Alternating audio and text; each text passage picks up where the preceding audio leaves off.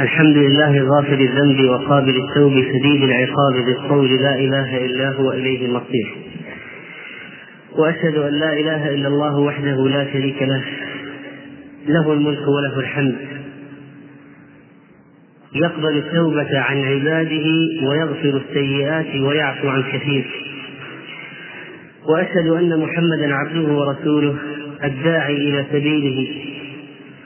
أرسله الله رحمة للعالمين بشيرا ونذيرا وداعيا إلى الله بإذنه وسراجا منيرا.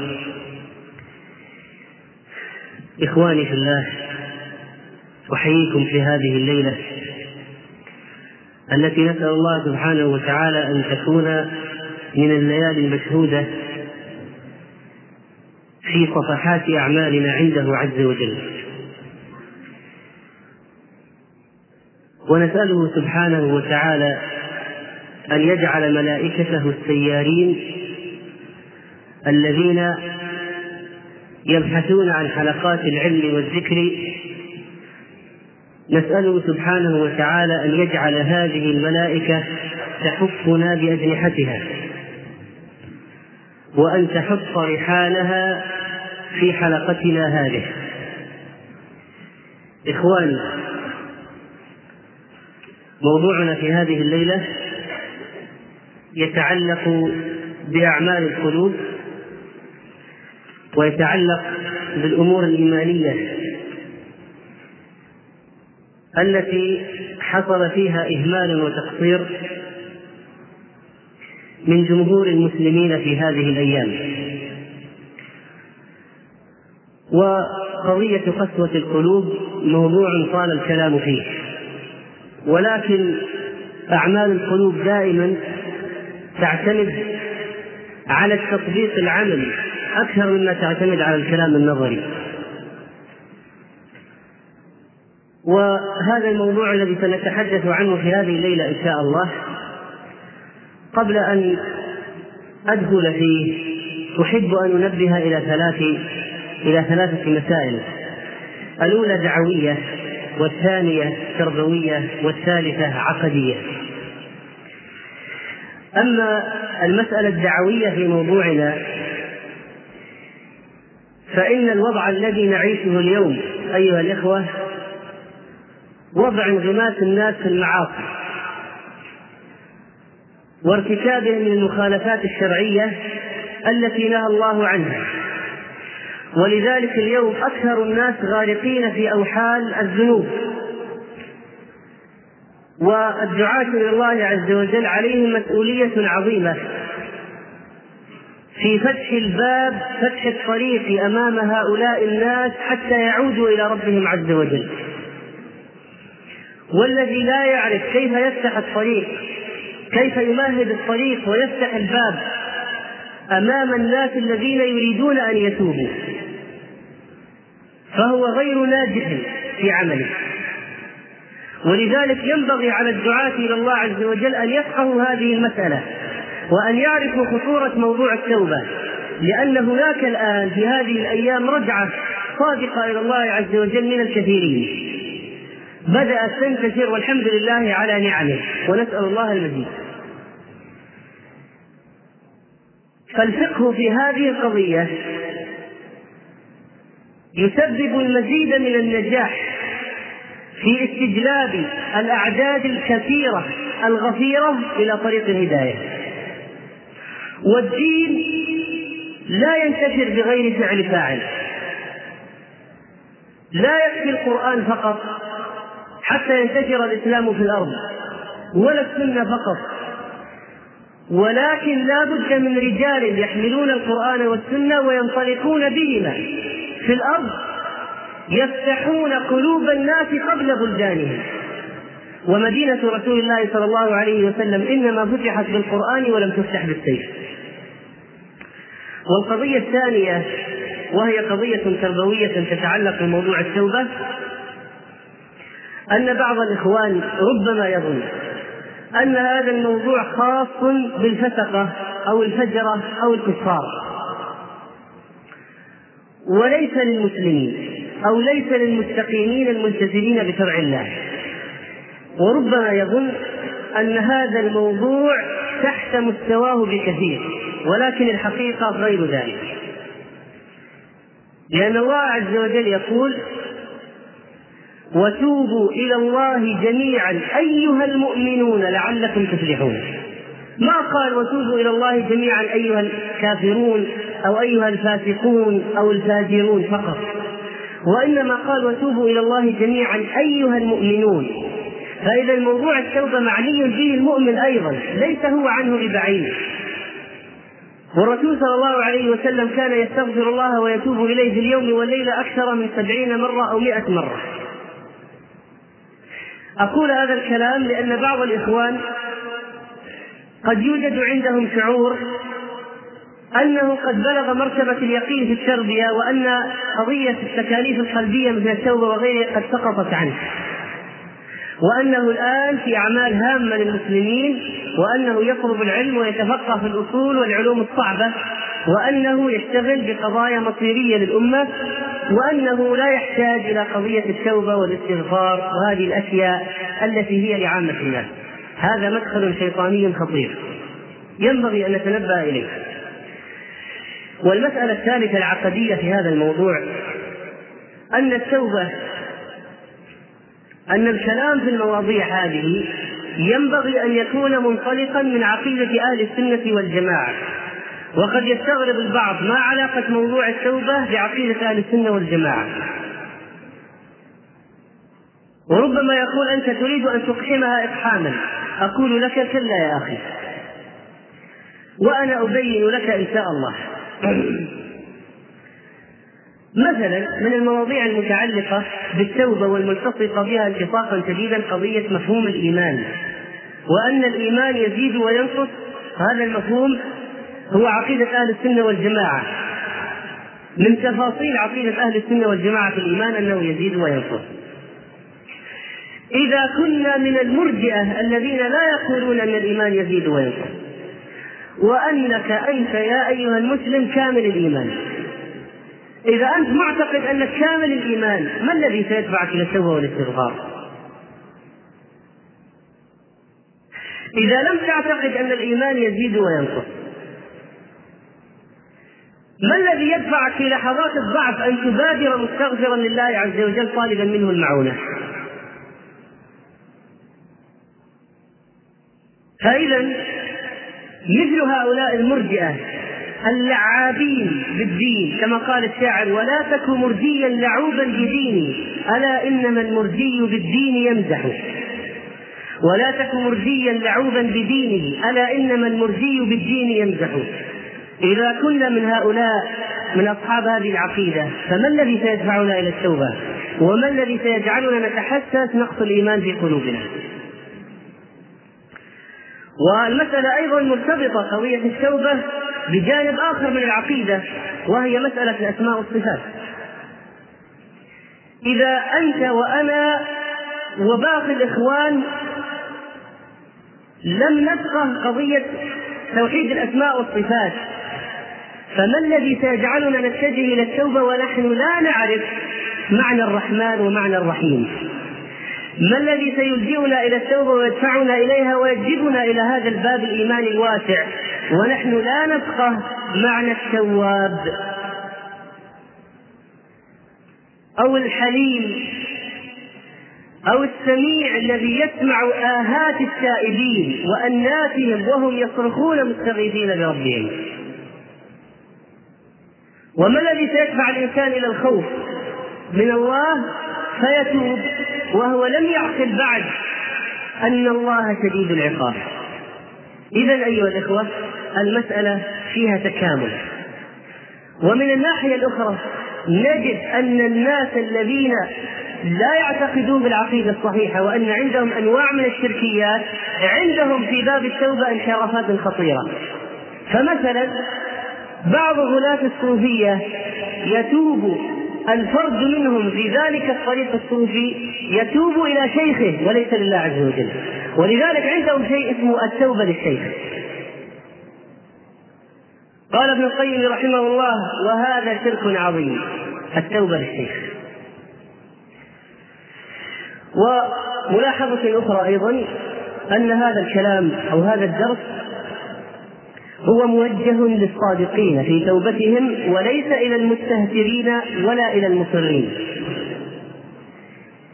ولهذا أيها الإخوة تعمدت أن أترك أحاديث صحيحة مهمة في باب التوبة خشية أن يفهم بعض ضعاف النفوس غير المقصود الصحيح عند عرضها.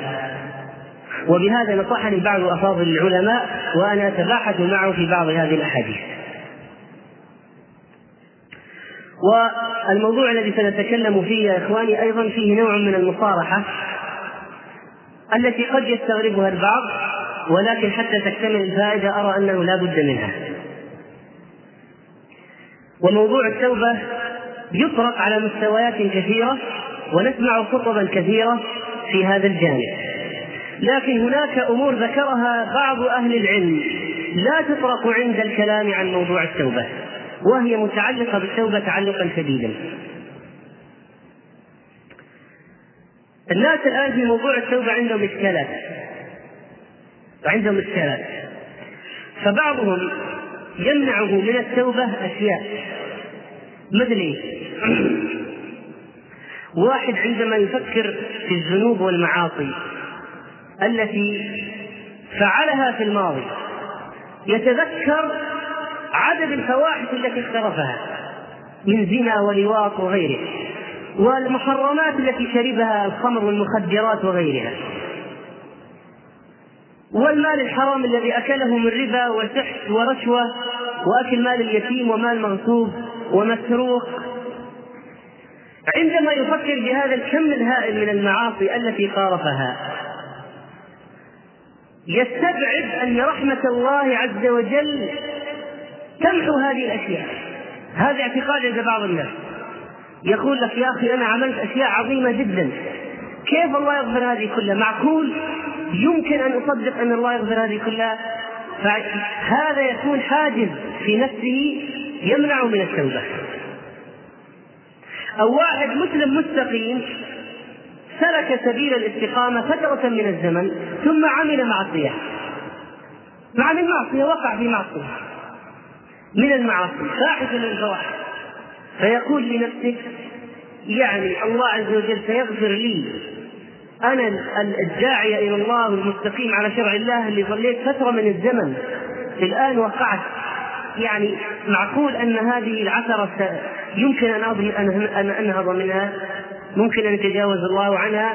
وأنا الذي أعلم الناس وأنا الذي أدعو الناس إلى التوبة وأدعو الناس إلى ترك الذنوب.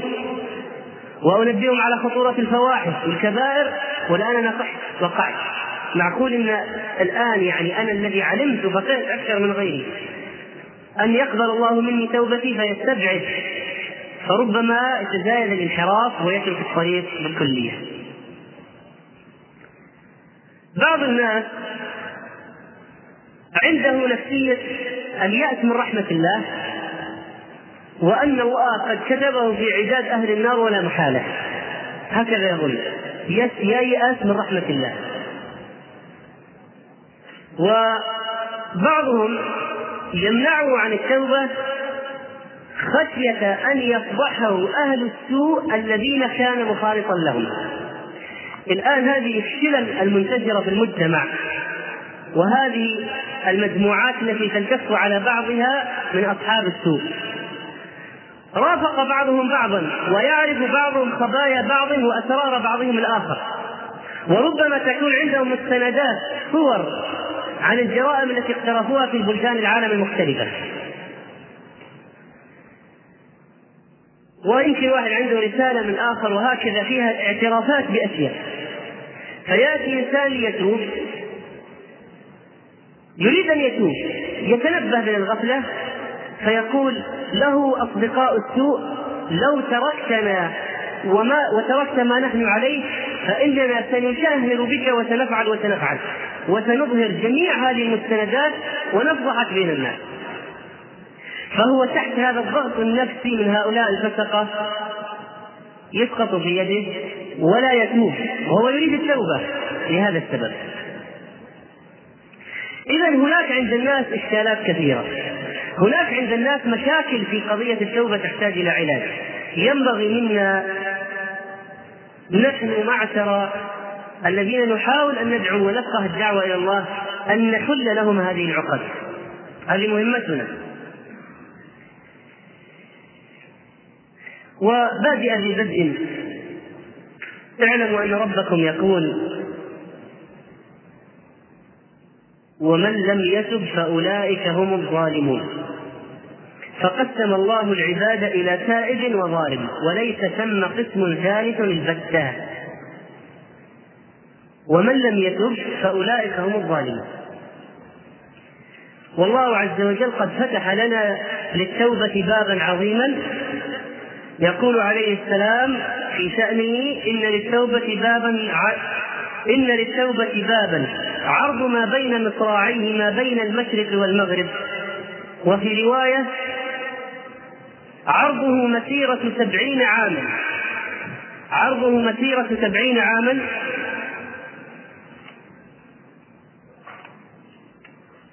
إمام المسجد إمام المسجد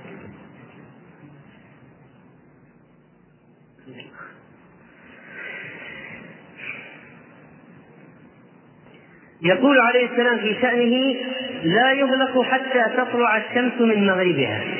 لا يغلق. هذا الباب باب التوبة. حتى تطلع الشمس من مغربها. ويقول عليه السلام يقبل من تاب إلى الله قبل أن يغرغر قبل الله منه. ويقول من تاب إلى الله قبل أن تطلع الشمس من مغربها تاب الله عليه. اذا انظر إلى الرحمة الواسعة. الآن باب عريض جدا لا يغلق إلى قيام الساعة. ويمكن أن تتوب ما لم تصل إلى مرحله الغرغرة وما لم تطلع الشمس من مغربها. ماذا تريد أكثر من ذلك؟ هذه نقطة أساسية في القناعة بأن التوبة ممكنة مهما عظم الجرم. ويقول عليه السلام التائب من الذنب كمن لا ذنب له حديث صحيح. ويقول عليه السلام مبينا كيف أن الله يمهل العاصي.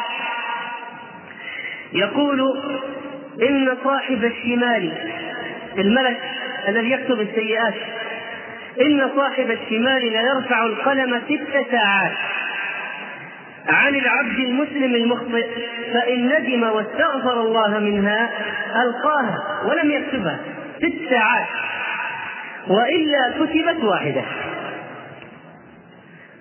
رواه الطبراني عن أبي أمامة وحسنه الألباني وهو في الأحاديث السلسلة الصحيحة. وعرف بعض العلماء التوبة فقال هي الاستغفار باللسان الاستغفار باللسان والإقلاع بالأبدان وإضمار ترك العود بالجنان العود إلى المعصية إضمار عقد القلب على عدم العودة إلى المعصية. ومهاجرة سيء الإخوان لابد من الخروج من الوسط السيء وإرجاع حقوق بني الإنسان إذا كانت الحقوق للعباد فلا بد من إرجاعها. فإذا الاستغفار باللسان والإقلاع بالأبدان وإضمار ترك العود بالجنان ومهاجرة سيء الإخوان وإرجاع حقوق بني الإنسان. ولقد كانت نفسيات الصحابة حساسة جدا ضد الذنوب. يقول أنس رضي الله عنه فيما رواه البخاري رحمه الله في صحيحه. يقول أنس إنكم لتعملون اعمالا هي أدق في أعينكم من الشعر. كنا نعدها على عهد الرسول صلى الله عليه وسلم من الموبقات. فاذا قضية استصغار الذنوب مشكلة عند بعض الناس. يستصغرون الذنوب ويحتقرونها. ولذلك يقول بعض السلف لا تنظر إلى صغر المعصية ولكن انظر إلى من عصيت. انظر إلى من عصيت عند ذلك تجد فعلا أنك إنسان يعني كيف فعلت هذا الأمر؟ تتهول ما فعلت.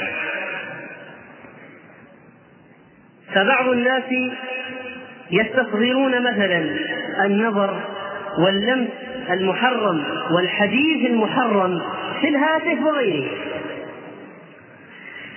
والقبلة التي هي من مقدمات الزنا. ويستصغرون النظر إلى المجلات والمسلسلات ويقولون هذه أشياء بسيطة جدا. يعني ماذا ستؤثر؟ ومن ضمن الناس الذين قد يتجاوزون أناس أبيح لهم النظر للضرورة فتوسعوا فيه مثل الطبيب والخاطب. امرأة لم تجد طبيبة مسلمة مؤهلة للنظر في ذلك المرض فذهبت إلى طبيب. يباح للطبيب أن ينظر من إلى من المريضة إلى الموضع الذي يحتاج أن ينظر إليه للعلاج. فإذا توسع الطبيب أكثر من ذلك بعض الأطباء قد يتساءلون. الخطيب يباح له أن ينظر الخاطب يباح له أن ينظر إلى مخطوبته حتى يرى ما يدعوه إلى نكاحه منها. فإذا رأى وقرر انتهينا وعرف النتيجة ثم طلب أن يرى مرة ثانية أو أنه جلس معها فترة طويلة ساعة وساعتين وهو لا يحتاج إلى هذه الفترة فإذا هذا إنسان متعد ينبغي له أن يتوب من هذا من هذه الزيادة. وهذا الاستهتار يولد هذا الاستصغار يولد الاستهتار والوقوع في الكبائر وترك ويترك الإنسان الخوف ويستهين بالمعصية. واحد من الناس سألني سؤالا عن مسألة. قال ما حكم كذا؟ قلت له هذا حكمها حكم مسألة أو بالدليل من كلام العلماء أنها محرمة حرام. فقال حرام. يعني حرام كثير ولا شوي؟ شو يعني يقول وهو يعني رجل يعني يظن إنه الآن يقول يعني كم يعني فيها سيئات واجد ولا قليل ولا كم ليش؟ لماذا يسأل بعض العامة هذه الأسئلة؟ لأن عندهم مبدأ الاستهانة بالصغائر محقرات الذنوب هذه مسألة يعني لا يلتفتون إليها ولا يلقون لها بالا وقال ابن القيم رحمه الله وقد يقترن بالصغيرة من قلة الحياء وعدم المبالاة وترك الخوف والاستهانة ما يلحقها بالكبائر بل يجعلها من رتبتها من رتبة الكبائر.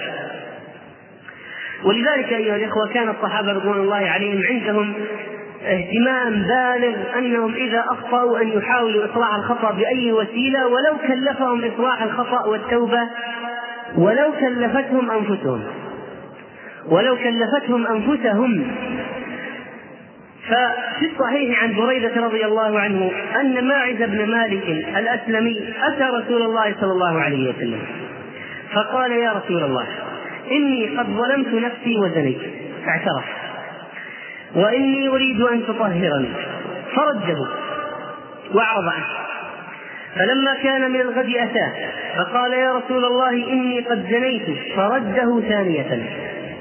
فأرسل رسول الله صلى الله عليه وسلم إلى قومه فقال أتعلمون بعقله بأسا؟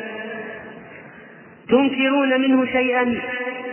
فقالوا ما نعلمه ما نعلمه إلا وفي العقل. من صالحينا فيما نرى.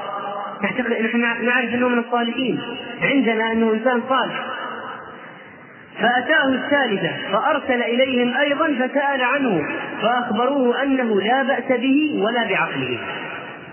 فلما كان الرابع حفر له حفرة ثم أمر به فرجم. رضي الله عنه.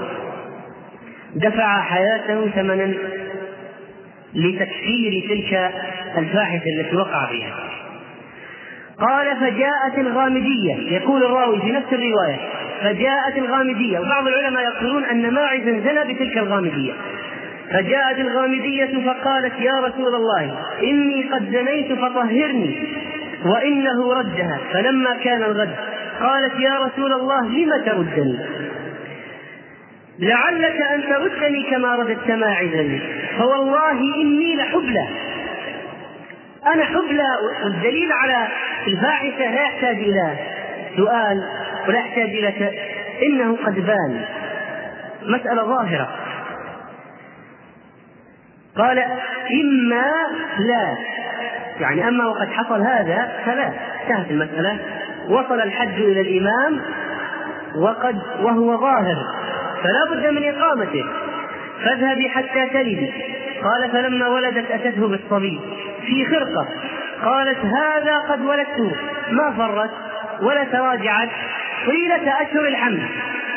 وهي لا تزال متذكرة الذنب وتنتظر متى تلد حتى تأتي ليقتص منها لتتوب. لتتطهر. ما نست ما تراجعت عن هذه عن المبدأ طيلة الأشهر. مع أنه موت. قال اذهبي فأرضعيه حتى تفطميه والرضاع يأخذ وقت. فلما فطمته اتته بالصبي في يده كسرة خبز. حتى تبين أنها فعلا انفطم وأنه الآن بدأ يأكل الطعام ولا حاجة له للرضاع فدفع الصبي إلى رجل من المسلمين ثم أمر بها فحفر لها إلى صدرها وأمر الناس فرجموها. فيقبل خالد بن الوليد بحجر فرمى رأسها فتنضخ الدم على وجه خالد فسبها. فسمع نبي الله سبه اياها فقال مهلا يا خالد فوالذي نفسي بيده فوالذي نفسي بيده. لقد تابت توبة لو تابها صاحب مكت لغفر له. اللي يأخذ الضرائب على الحجاج. ثم أمر بها فصلى عليها ودفنت تابت توبة لو وزعت على سبعين من الفساق لكفتها تابت توبة عظيمة. تسع أهل مدينة بأسرها.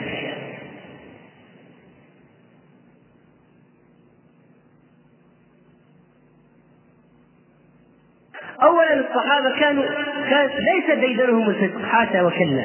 كانوا يقعون أحيانا. وإذا وقعوا أصروا على أن تمحى تلك الذنوب بشتى الوسائل. أما فساقنا فهم يمرحون ويرتعون ويلعبون في غفلة عن الله. وإذا فكر أحدهم يوما بأن يتوب ويؤدي ما عليه من الحقوق يتراجع لأول وهلة. فإنه يتعاظم ذلك. وأنا أعلم أن بعض الناس يتساءلون ويقولون لقد وقعنا في فواحش. هل يجب علينا أن نأتي ونعترف؟ الجواب ما دامت المسألة لم تصل إلى الإمام ولا إلى القاضي فإنه لا يجب عليك أن تذهب وتعترف. وهذه عزيمة أخذ بها ذلك الصحابي وتلك الصحابية. ولكن المسألة عندك أنت يا من وقعت في الفاحشة. لا يجب عليك أن تذهب إلى القاضي تقول أقم حد الله عليك. لا يجب من ناحية الوجوب ويكفيك التوبة بينك وبين الله. وبعضهم سأل الشيخ عبد العزيز بن باز حفظه الله سؤالا قال إني قد زنيت هل يجب علي أن يذهب أن أذهب إلى إمام المسجد مثلا أو أحد الناس فأقول له اجلدني في بيتك ثمانين مئة جلدة أو اجلدني الحد حد خمر أو حد زنا اجلدني خفيه فقال الشيخ حفظه الله تعالى ونفع به المسلمين لا يجب عليه ذلك ولا يفعل هذا وإنما يكفيه التوبة بينه وبين الله. لا يحتاج إلى أن يضربه أحد لا في بيت ولا في مسجد. ما لم تصل المسألة إلى الحاكم أو القاضي انه يجب عند ذلك إقامة الحد بالنسبة لقضية استعظام الذنوب بعض الناس يستعظمون الكم الهائل من الذنوب التي ارتكبها عبر عشرات السنين في الماضي وجاء الآن ليتوب. وقد ملأت تلك الذنوب نفسه وضاقت بها جوانحه وهو يريد الخلاص. فقد يقول كما ذكرت قبل قليل كيف يغفر الله لي؟ هذه أشياء عظيمة جدا. كثير من الناس يأتي بعضهم يقول يا أخي أنا ما تركت بلية إلا فعلتها. ما تركت فاحشة إلا وأتيتها. ما في حد من حدود الله إلا وانتهكت. كل ما تتصور بذلك من المعاصي والآثام أنا فعلته ماذا لي؟ ماذا ماذا يمكن أن أفعل؟ هذه نفسية كثير من الناس يكتبونها برسائل أو يأتون يشافهون بها وهم في غاية الحرج. يقول فعلنا وفعلنا. يقول رسول الله صلى الله عليه وسلم من علم يقول عن ربه عز وجل من علم أني ذو قدر قدرة على مغفرة الذنوب غفرت له ولا أبالي ما لم يشرك بي شيئا. ويقول رسول الله صلى الله عليه وسلم فيما يروي عن ربه عز وجل في الحديث الصحيح أيضا يا ابن آدم إنك ما دعوتني ورجوتني غفرت لك على ما كان منك ولا أبالي. يا ابن آدم لو بلغت ذنوبك عنان السماء ثم استغفرتني غفرت لك. يا ابن آدم لو لقيتني بقراب الأرض خطايا ثم لقيتني لا تشرك بي شيئا أتيتك بقرابها مغفرة. فإذا الله عز وجل واسع المغفرة واسع الرحمة وإني لغفار لمن تاب وآمن وعمل صالحا. ثم اهتدى. وفي حديث أبي ذر يا عبادي إنكم تخطئون بالليل والنهار وأنا أغفر الذنوب جميعا فاستغفروني أغفر لكم.